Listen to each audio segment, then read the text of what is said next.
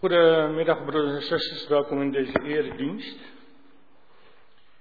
Ik heb hier voor u een aantal mededelingen van de kerkraad. Dit jaar treden af als ouderling broeders Jacob Bijl en Gert Scheriga en als diaken zuster Esther Albers en Margriet van Arken. Daarnaast is er ook nog een openstaande vacature voor ouderling. De kerkraad nodigt u uit als gemeente om namen op te geven van broeders en zusters die u geschikt acht voor het ambt van ouderling en of diaken. Het formulier hiervoor wordt in deze dagen digitaal verspreid. Mocht u toch graag een papieren versie willen hebben, neem dan contact op met de scriba. Het formulier kan worden ingeleverd tot en met zondag 3 maart. Op donderdag 29 februari aanstaande hopen we een gemeenteavond te houden. Het onderwerp is kind, jongeren en het avondmaal. U wordt hier allemaal voor uitgenodigd. En speciaal ook de jongeren zijn van harte welkom. Wij hopen ook dat zij aanwezig zullen zijn. De avond zal starten om half acht en rond half tien worden afgesloten met fris. Dat is verder mededelingen. En in deze dienst gaat voor dominee Klaas van der Geest uit Deventer. Ik wens u een gezegende eredienst.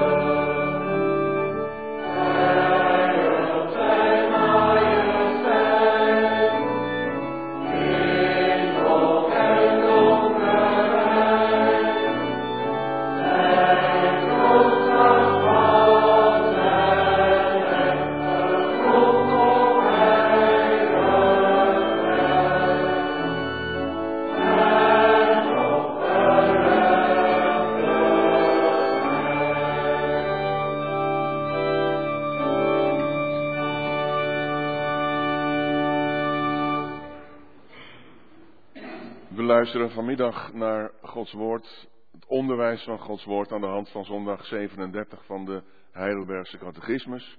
Waar het, ehm, dat is de tweede zondag daarover, gaat over het derde gebod.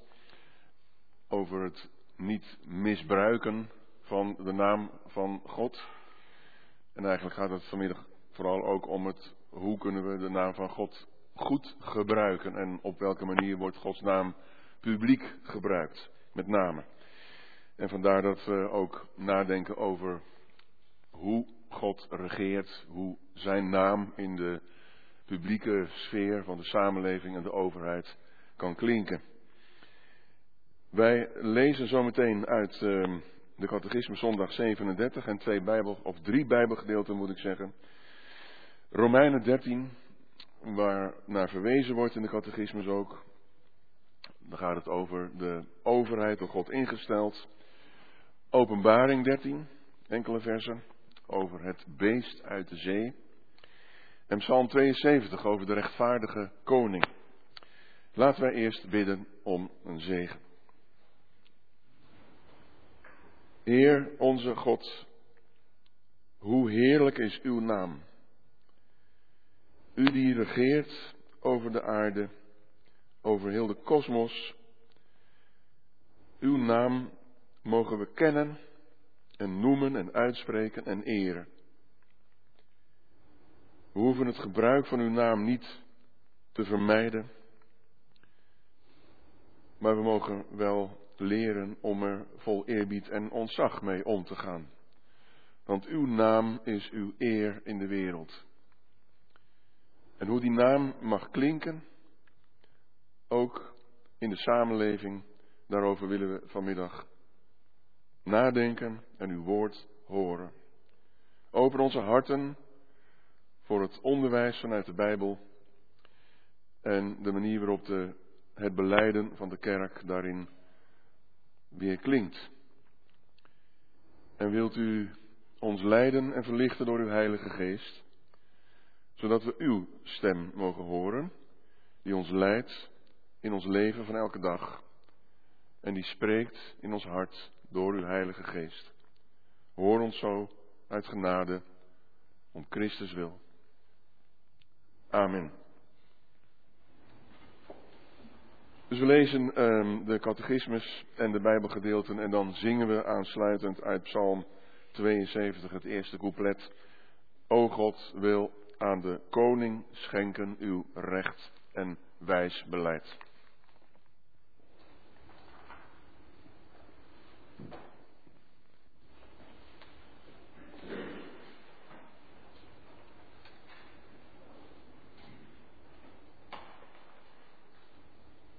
Uh, zondag 37. Maar kan men ook Godvrezend bij de naam van God zweren? Ja, wanneer de overheid het van haar onderdanen eist, of in ieder geval van noods, om daardoor trouw en waarheid te bekrachtigen. En dat tot eer van God en tot heil van de naaste. Want zo'n eed is op Gods woord gegrond en wordt werd daarom door de heiligen in het oude en nieuwe verbond terecht gebruikt. Ja, 102. Mag men ook bij de heiligen of andere schepselen zweren? Nee, want rechtmatig zweren is God aanroepen of hij, die als enige herhaard kent, voor de waarheid wil getuigen en mij wil straffen, indien ik vals zweer. Deze eer komt aan geen schepsel toe. Dan Romeinen 13. Iedereen moet de autoriteit van het bevoegd gezag erkennen, want er is geen gezag dat niet van God komt. Ook het huidige gezag is door God ingesteld. Wie zich tegen dit gezag verzet, verzet zich dus tegen de orde die God heeft bepaald. En wie dat doet, roept zijn veroordeling over zich af. Wie doet wat goed is, heeft van de gezagsjagers niets te vrezen. Alleen wie doet wat slecht is. U wilt niets van de overheid te vrezen hebben? Doe dan wat goed is en ze zal u prijzen. Want ze staat in dienst van God en is er voor uw welzijn. Maar wanneer u doet wat slecht is, kunt u haar beter vrezen. Ze voert het zwaard niet voor niets, want als dienares van God geeft ze ieder die het slechte doet de straf die hij verdient. U moet haar gezag dus erkennen en niet alleen uit angst voor straf, maar ook omwille van uw geweten. Dan openbaring 13. Toen zag ik uit de zee een beest opkomen. Het had tien hoorns en zeven koppen. Het had een kroon op elke hoorn en er stonden godslastelijke namen op zijn koppen. Het beest dat ik zag leek op een panter, met poten als van een beer en een bek als de muil van een leeuw. De draak droeg zijn kracht en heerschappij en gezag aan het beest over. Een van de koppen van het beest zag eruit alsof hij dodelijk gewond was, maar zijn wond genas. Vol bewondering ging de hele wereld achter het beest aan. Iedereen aanbad de draak, omdat hij het beest gezag had gegeven. Ook het beest zelf aanbaden ze, met de woorden, wie is gelijk aan het beest? Wie kan het tegen hem opnemen? Het beest kreeg de macht om zijn bek te gebruiken voor grootspraak en godslasteringen, en dat 42 maanden lang. Het opende zijn bek en lasterde God, zijn naam en zijn woning en hen die in de hemel wonen. Het mocht de strijd aanbinden met de heiligen en hen overwinnen. Ook kreeg het macht over alle landen en volken, over mensen van elke stam en taal. Alle mensen die op aarde leven, zullen het beest aanbidden. Iedereen van wie de naam niet vanaf het begin van de wereld in het boek van het leven staat, het boek van het lam dat geslacht is. Dan Psalm 72 van Salomo. Geef, o God, uw wetten aan de koning, uw gerechtigheid aan de koningszoon. Mogen hij uw volk rechtvaardig besturen, uw arme volk naar recht en wet. Mogen de bergen vrede brengen aan het volk en de heuvels gerechtigheid. Mogen hij recht doen aan de zwakken, redding bieden aan de armen, maar de onderdrukker neerslaan. Mogen hij leven zolang de zon bestaat, zolang de maan zal schijnen, van geslacht op geslacht.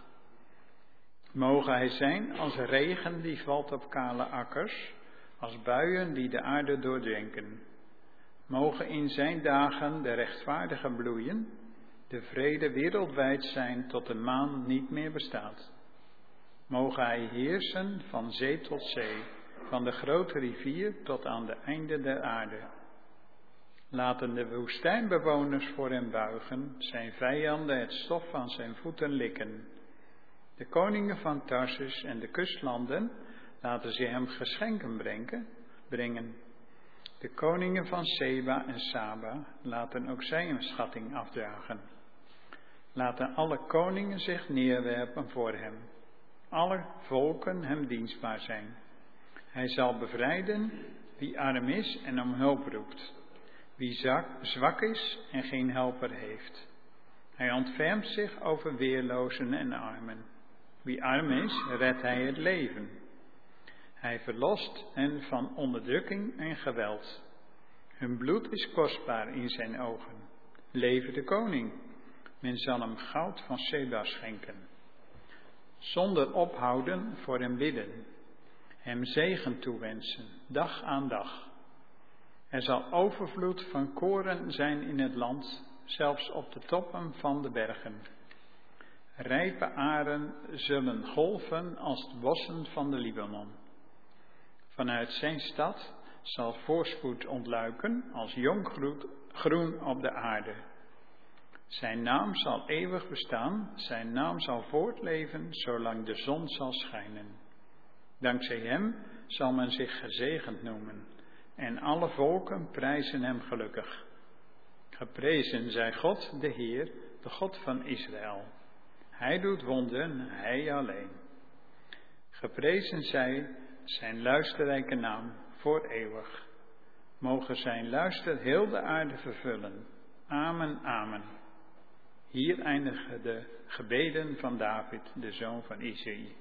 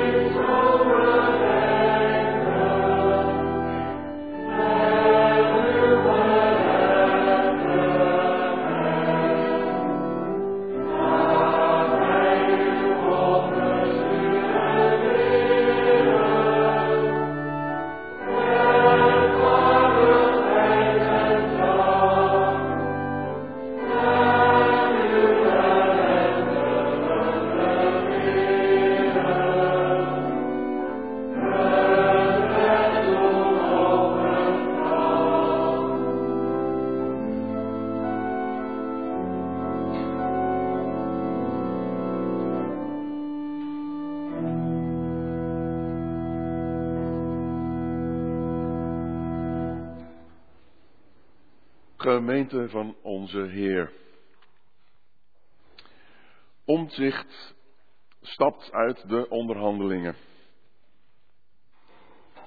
Het wordt hem kwalijk genomen. Maar moeten we niet juist blij zijn dat iemand kiest voor beter ten halve gekeerd dan ten hele gedwaald? En het niet op een akkoordje gooit met antidemocratisch sentiment in naam van het volk. Want dat is wat er in het geding is. De democratie zelf.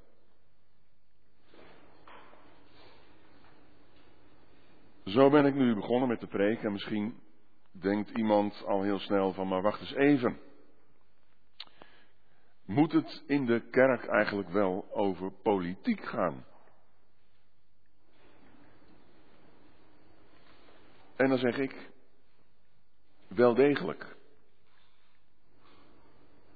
We horen vanmiddag iets van het onderwijs van de Bijbel aan de hand van de catechismus en ik kies ervoor om één stukje uit zondag 37 wat meer uit te werken als het gaat over de overheid. En ik vat dat zo samen, Gods naam in de publieke samenleving. In de catechismus wordt dat betrokken op het afleggen van een eed voor de rechter of bij het aanvaarden van een publiek ambt. Maar vanuit die situaties denken we eens even door vanmiddag, denken we eens verder over de vraag, wat betekent nou eigenlijk Gods naam in de politiek? Wat betekent het voor hoe we ons als christenen verhouden tot de macht en tegenover de overheid en tegenover de politiek? Nu, in grote lijnen zijn er dan twee manieren om mee te beginnen.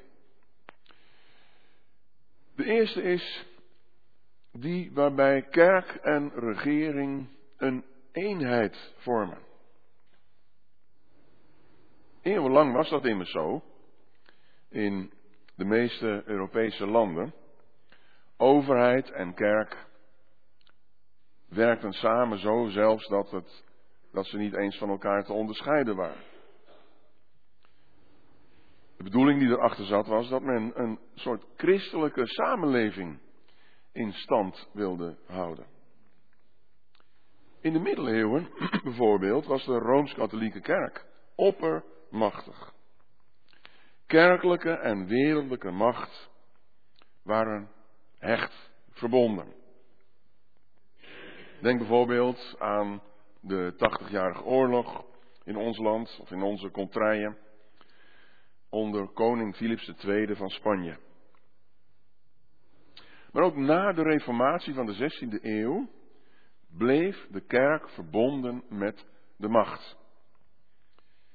Men bleef de samenleving zien als christelijk, of de christelijke samenleving zien als een soort bijbels ideaal. En de geboden van God als geldend voor alle mensen. Zondagsrust en burgerlijk huwelijk zijn daar eigenlijk nog steeds een paar voorbeelden van. Zelfs vond men dat de overheid valse godsdienst diende te bestrijden. Straks kom ik daar nog even op terug aan het eind van de dienst bij onze geloofsbeleidenis, want dan lees ik een gedeelte voor uit de Nederlandse geloofsbeleidenis, artikel 36. En daar wordt, werd in het verleden genoemd dat de overheid valse godsdienst diende te bestrijden. Neem de islam. Toch veranderde dit langzaam aan in de loop van de tijd, totdat er in 1795 officieel een scheiding kwam tussen kerk en staat. Wat betekent dat? Scheiding tussen kerk en staat. Dat betekent, de kerk neemt niet langer deel aan de macht. De kerk blijft afzijdig van de macht. En andersom, de overheid mag zich niet mengen in kerkelijke aangelegenheden. Mag zich niet mengen in de kerk. Die machten, die bevoegdheden, werden dus uit elkaar getrokken. Maar die scheiding van de machten betekent natuurlijk niet dat de kerk geen boodschap zou hebben voor de wereld. Ook de wereld van de politiek en voor de overheid. Die boodschap heeft de kerk namelijk wel degelijk. En die hebben gelovigen ook wel degelijk. En dus via prediking en onderwijs in de kerk en ook door de inzet van christenen in de samenleving en in de politiek mogen bijbelse richtlijnen doorwerken en doorklinken. Deze denkwijze komt onder andere ook van Luther, die sprak van twee rijken of twee regeerwijzen. Dat wil zeggen, we hebben te maken met gezag van twee machten. Een goddelijke en een menselijke aardse. Kerkelijk en wereldlijk gezag, ook wel genoemd. God zorgt voor ons eeuwige welzijn en de staat voor het aardse. Maar ook daarboven troont God. De overheid is Gods dienares, zo werd gezegd. En is dat nou niet precies wat in Romeinen 13, wat we in Romeinen 13 lazen? De overheid is door God ingesteld, staat daar. En door het gezag van de overheid te erkennen, erken je Gods gezag. God zelf staat dus achter die overheid, die kwaad en misdaad bestrijdt en die kwetsbaren in bescherming neemt. Maatschappelijke verhoudingen zijn zoals ze zijn omdat God ze zo laat zijn. En christenen die uit liefde leven, want daarover ging het in Romeinen 12. Christenen die uit liefde leven, respecteren ook de overheidsdienaren. Even een uitstapje in het nieuws. Was weer een voorbeeld van hoe overheidsdienaren, politie en ook andere hulpverleners belaagd werden.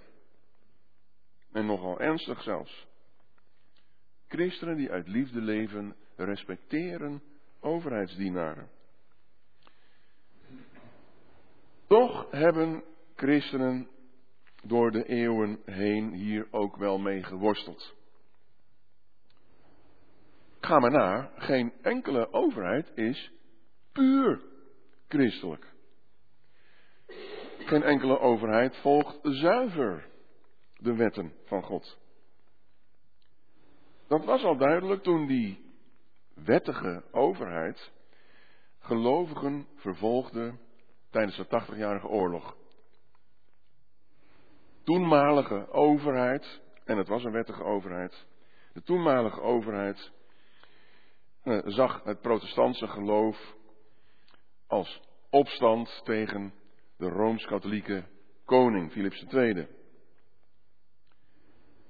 En ook in onze tijd kun je als christen best moeite hebben met hoe de overheid wetten uitvaardigt. Bijvoorbeeld als er wetten komen die op gespannen voet staan met de Bijbelse geboden. Denk maar even aan de bekende voorbeelden van abortus- en euthanasiewetgeving.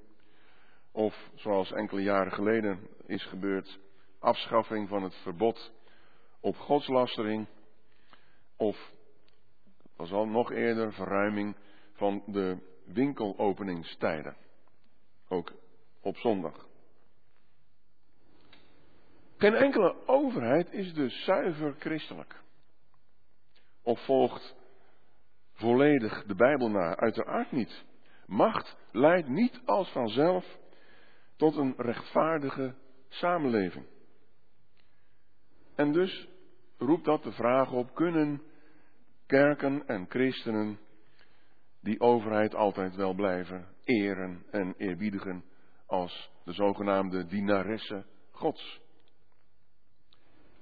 En zo kom ik bij een volgende visie, want daarom zijn er in de loop van de eeuwen ook altijd andere meningen geweest.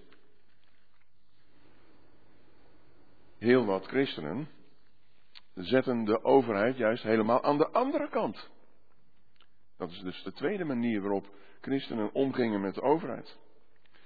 Ze zagen die overheid niet direct als Gods dienares naar Romeinen 13, maar misschien eerder als het beest uit de zee, uit Openbaring 13. Het is aardig om die twee hoofdstukken met elkaar te vergelijken. De overheid, Openbaring 13, de overheid als het kwaad zelf. Als je dat hoofdstuk leest, en we hebben het net weer gehoord, hoe verschrikkelijk is dan wel niet die tekening van dat beest uit de zee? Huiveringwekkend. En het is vaak uitgelegd als de staatsmacht die zichzelf verheerlijkt. Zoals Romeinse keizers deden.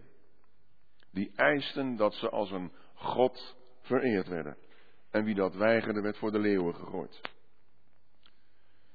Zulke oppermachtige alleenheersers en antidemocratische machthebbers zie je ook vandaag overal opkomen. Niet alleen overduidelijk,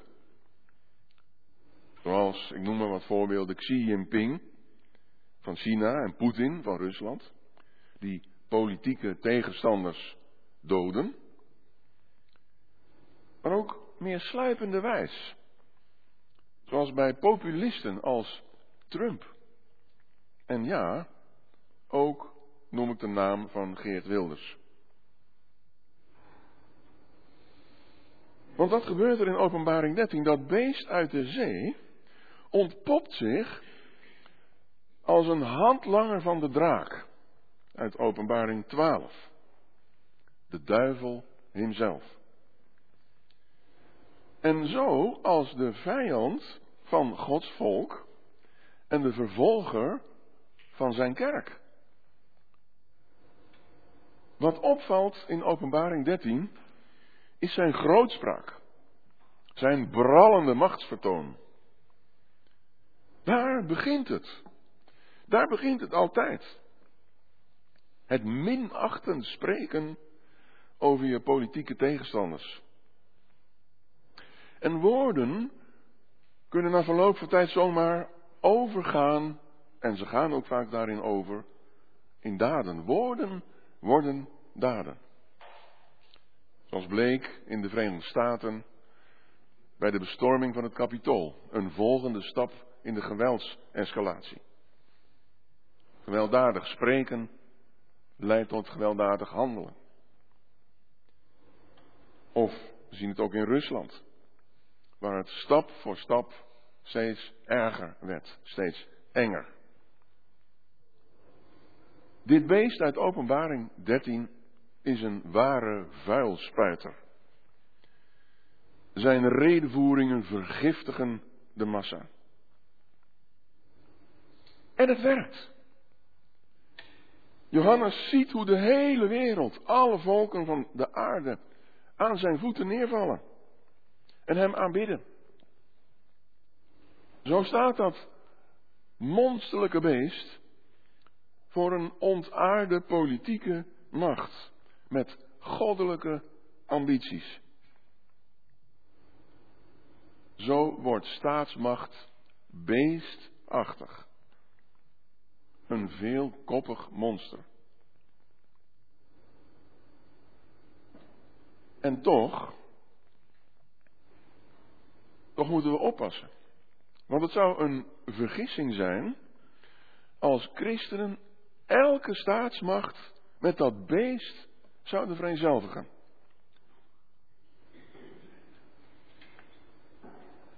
Dat is ook wel gebeurd. Die neiging is er onder christenen soms zeker geweest. We kennen nog misschien de naam van de 16e eeuwse wederdopers. Die elke vorm van staatsmacht verwierpen. Als horend bij het rijk van de duivel. In ieder geval het rijk van het kwaad. Een opvatting die heeft doorgewerkt, de eeuwen door, tot zelfs bij sommige evangelische of pinksterachtige gelovigen, als ik het even zo globaal mag aanduiden. Ze weigerden bijvoorbeeld soms om te werken in overheidsdienst, zoals bij de politie of in het leger, die wettig gepast geweld mogen toepassen, gebruiken. En ook bleven velen, veel christenen, afzijdig ver weg van de politiek. Ging het bij die eerste houding dus om eenheid tussen kerk en staat? Hier maakt men dus een tegenstelling. En ook vandaag de dag maken sommige christenen een terugtrekkende beweging. Ze zeggen, moet de kerk niet een tegenwereld vormen? Een eiland waar niet de macht, maar liefde regeert? Toch zou ook dat een misvatting kunnen worden. Immers ook de kerk blijft onzuiver, onheilig, zondig en onvolmaakt. Wat we moeten zoeken is een gezonde bijbelse balans. En die twee rijke leer van Luther kan daarbij helpen. Luther zei: Koningen en bisschoppen, boeren en arbeiders, ze eten het ene brood van Christus. Allen zijn ze geroepen. Geroepen om klein te zijn, om te dienen, om nederig te buigen voor de grote God. Iedereen, de hele wereld, staat onder het gezag van God alleen, die door Christus regeert. En dat leidt tenslotte tot een derde manier waarop we kunnen omgaan met macht en politiek. En op dat spoor zet ons nu Psalm 72, een Salomo-psalm. Maar ook Salomo zelf heeft een wereldvrede, zoals hier wordt getekend, nooit echt waar kunnen maken. Het is dan ook een profetie. Een vergezicht, zoals je die ook vindt bij Jezaja. Over de Messiaanse wereldvrede. De psalm is om te beginnen een gebed voor de koning. En vooral voor de manier waarop die koning zijn ambt uitoefent. Hij zal recht verschaffen aan armen en verdrukten. Kwetsbare mensen beschermt hij. Hij zal blijvende welvaart en duurzame vrede brengen. Het is duidelijk dat deze regering een gewone menselijke koning ver overstijgt. Zijn naam wordt hier eeuwig genoemd. En zijn positie is als die in Psalm 2. Gods gezalfde. Zoon van God wordt hij genoemd in Psalm 2. En ook hier de koningszoon. Dus met al met al voelen we wel aan, tekenen zich hier niet de contouren af van de vredevorst Jezus Christus zelf. Zijn koningschap staat model voor alle koningen en regeringen op aarde. Geen enkele aardse regering, koning of president zal natuurlijk dat beeld zuiver vertonen. Hooguit kom je een keer een enkele politicus of leider of president tegen die enigszins in de buurt daarvan komt. Maar op het gevaar af dat ik me zal gaan vergissen, noem ik daar niet direct namen van. Maar soms zijn er leiders, dan voel je Christus is daar inzichtbaar. Al is het soms in de verte. Heel soms zien we dus een koning of een president met trekken, zou je kunnen zeggen, van die rechtvaardige koning. Veel vaker echter zien we de macht ontsporen, corrumperen. Mensen met macht zijn maar al te gauw geneigd om hun eigen belangen en hun eigen rijkdom en hun eigen eer na te jagen. In plaats van te zorgen voor de mensen die aan hun zorg zijn toevertrouwd. Wereldwijd zien we dat democratie onder druk staat. In Rusland belanden tegenstanders van Poetin in strafkampen en we gedenken vandaag de afgelopen week overleden oppositieleider Navalny. Gruwelijk is zijn lot. Ook in China en in landen in Zuid-Amerika zien we hoe politieke oppositie monddood wordt gemaakt. Ja, zelfs, moet ik zeggen, in de Verenigde Staten. Ooit en lange tijd de verdediger van de vrijheid. Zelfs daar moeten we de komende presidentsverkiezingen vrezen. En hoe zit dat dan in ons land? Is een Geert Wilders niet al in zijn partijorganisatie een voorbeeld van totalitaire macht? Van alleenheerschappij? En zijn zijn uitlatingen over een zogenaamd nep-parlement alleen maar een slip of de tong? En is hij dan nu ineens te vertrouwen? Nu mogelijk betrokken zal zijn bij het regeren? Begint elke solo-macht niet met verachting van mensen? Respectloos omgaan met mensen die een tegenstem laten horen? En mag ik nog een vraag stellen? Hoe is het mogelijk dat 25% van onze samenleving op wilde stemde? Waaronder velen die zich christen noemen. Al zeg ik er wel vaak achteraan, 75% dus niet.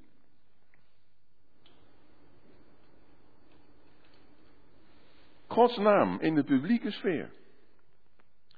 Daarover gaat ten diepste het derde gebod.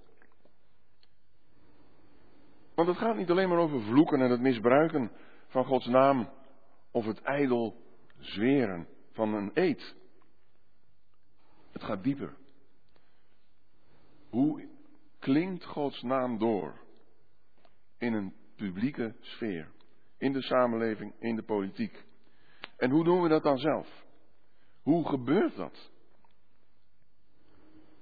Nu, om te beginnen zouden we in ieder geval moeten zeggen, christenen en kerken zullen zich nooit verbinden met enige macht.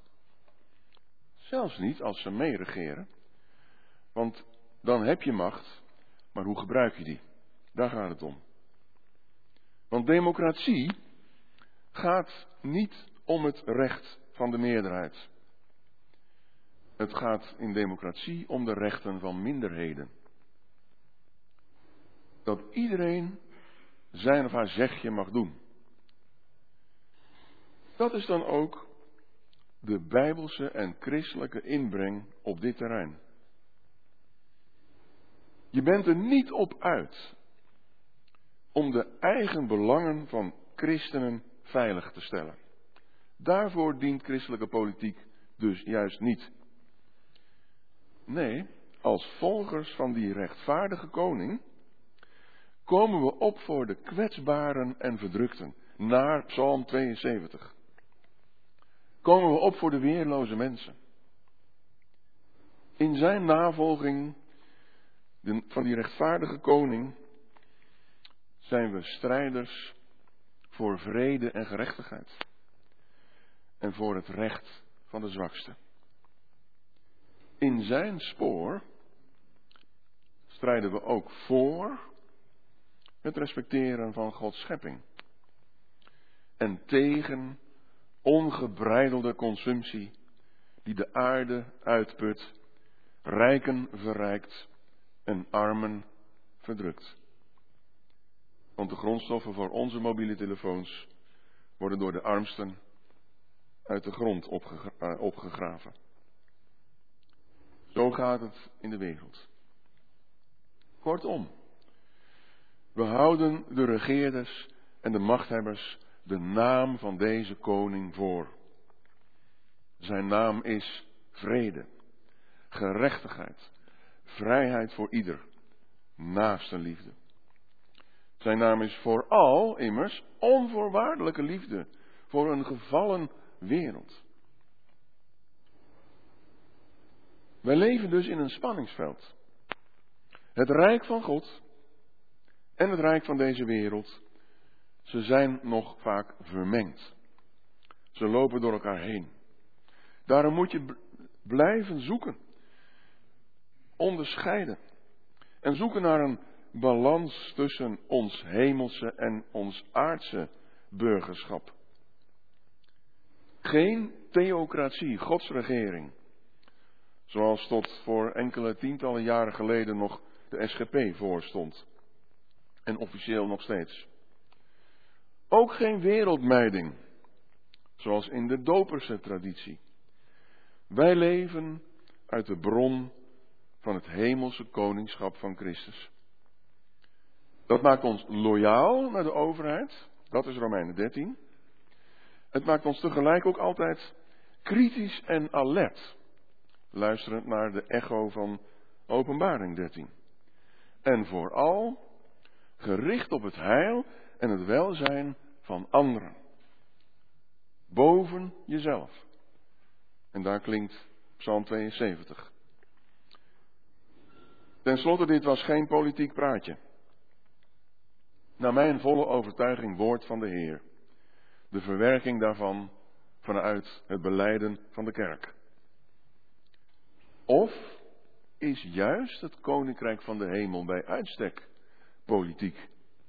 Omdat het gaat over de heerschappij van de rechtvaardige koning, die alle macht heeft in hemel en op aarde. Waar hij ook gaat, de vrede gaat hem voor. Liefde en trouw ontspruiten aan zijn spoor. Gerechtigheid is voor zijn aangezicht. Zij bloeit al om waar hij zijn voetstap richt. Psalm 85. Amen.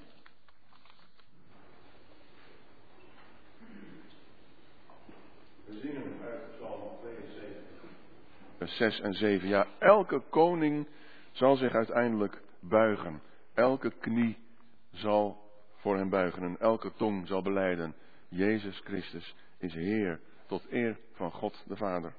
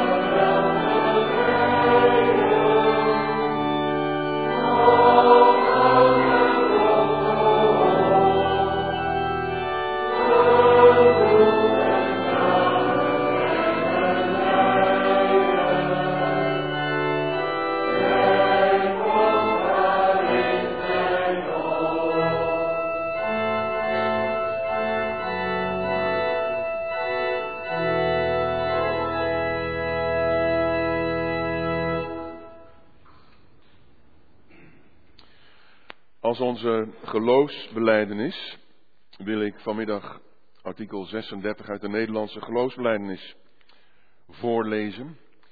En laten we daar door te gaan staan ook nu mee instemmen. Want dan gaat het over de taak van de overheid.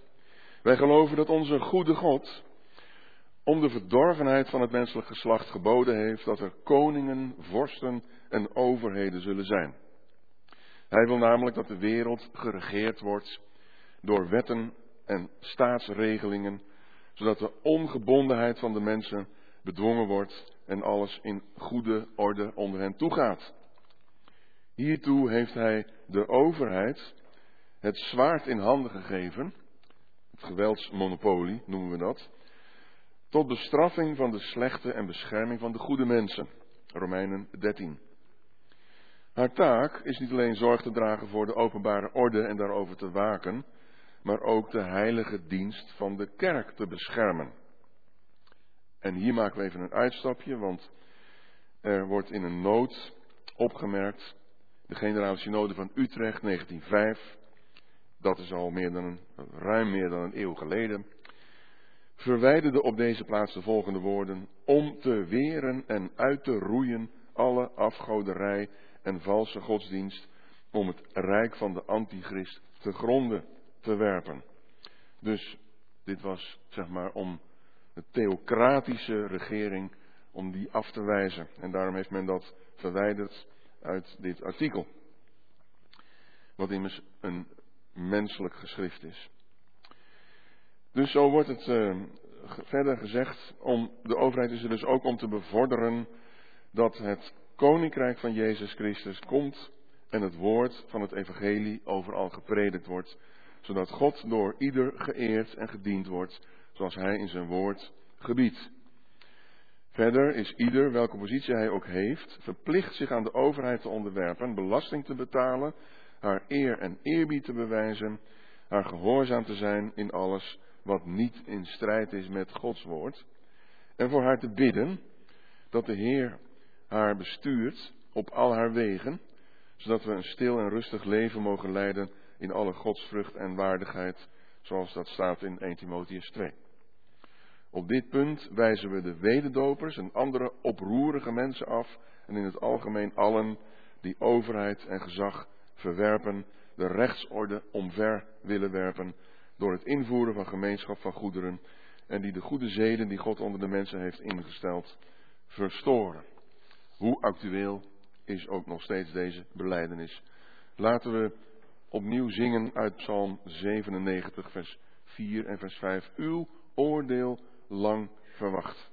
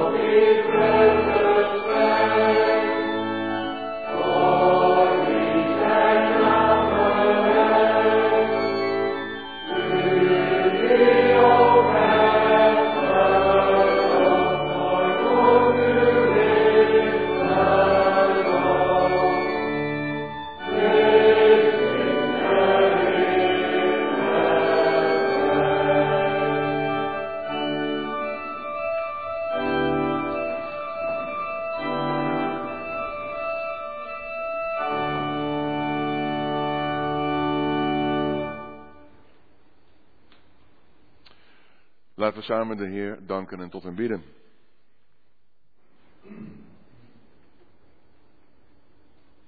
Geef vrede, Heer, geef vrede. De wereld wil slechts strijd. Al wordt het recht beleden, de sterkste wint het pleit. Het onrecht heerst op aarde, de leugen triomfeert. Ontluistert elke waarde. O red ons, sterke Heer. Geef vrede, Heer. Geef vrede. De aarde wacht zo lang. Er wordt zoveel geleden. De mensen zijn zo bang. De toekomst is zo duister en ons geloof zo klein. O Jezus Christus, luister en laat ons niet alleen. Geef vrede, Heer, geef vrede. Gij die de vrede zijt, die voor ons hebt geleden, gestreden onze strijd. Opdat wij zouden leven bevrijd van angst en pijn, de mensen blijdschap geven en vrede stichters zijn. Geef vrede, Heer, geef vrede. Bekeer ons felle hart. Deel ons uw liefde mede, die onze boosheid tart. Die onze mond leert spreken en onze handen leidt. Maak ons een levend teken. Uw vrede wint de strijd. Amen. Laten we God danken en eren door onze gaven te geven die nu worden ingezameld. En daarna, als laatste lied, zingen we Jezus leeft in eeuwigheid. Zijn shalom wordt werkelijkheid.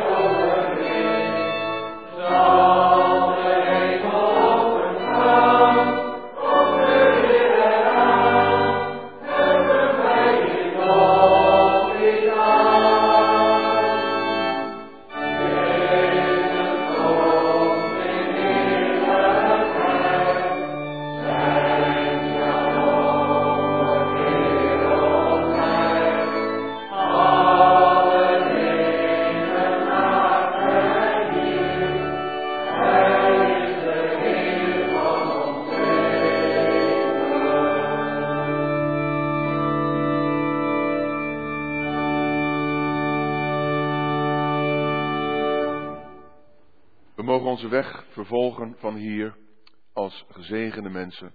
Aanvaard Gods zegen in geloof. Mogen de Heer u en jou zegenen en je beschermen. Mogen de Heer het licht van zijn gelaat over je doen schijnen en je genadig zijn. Mogen de Heer je zijn gelaat toewenden en je zijn vrede geven, de vrede van Christus.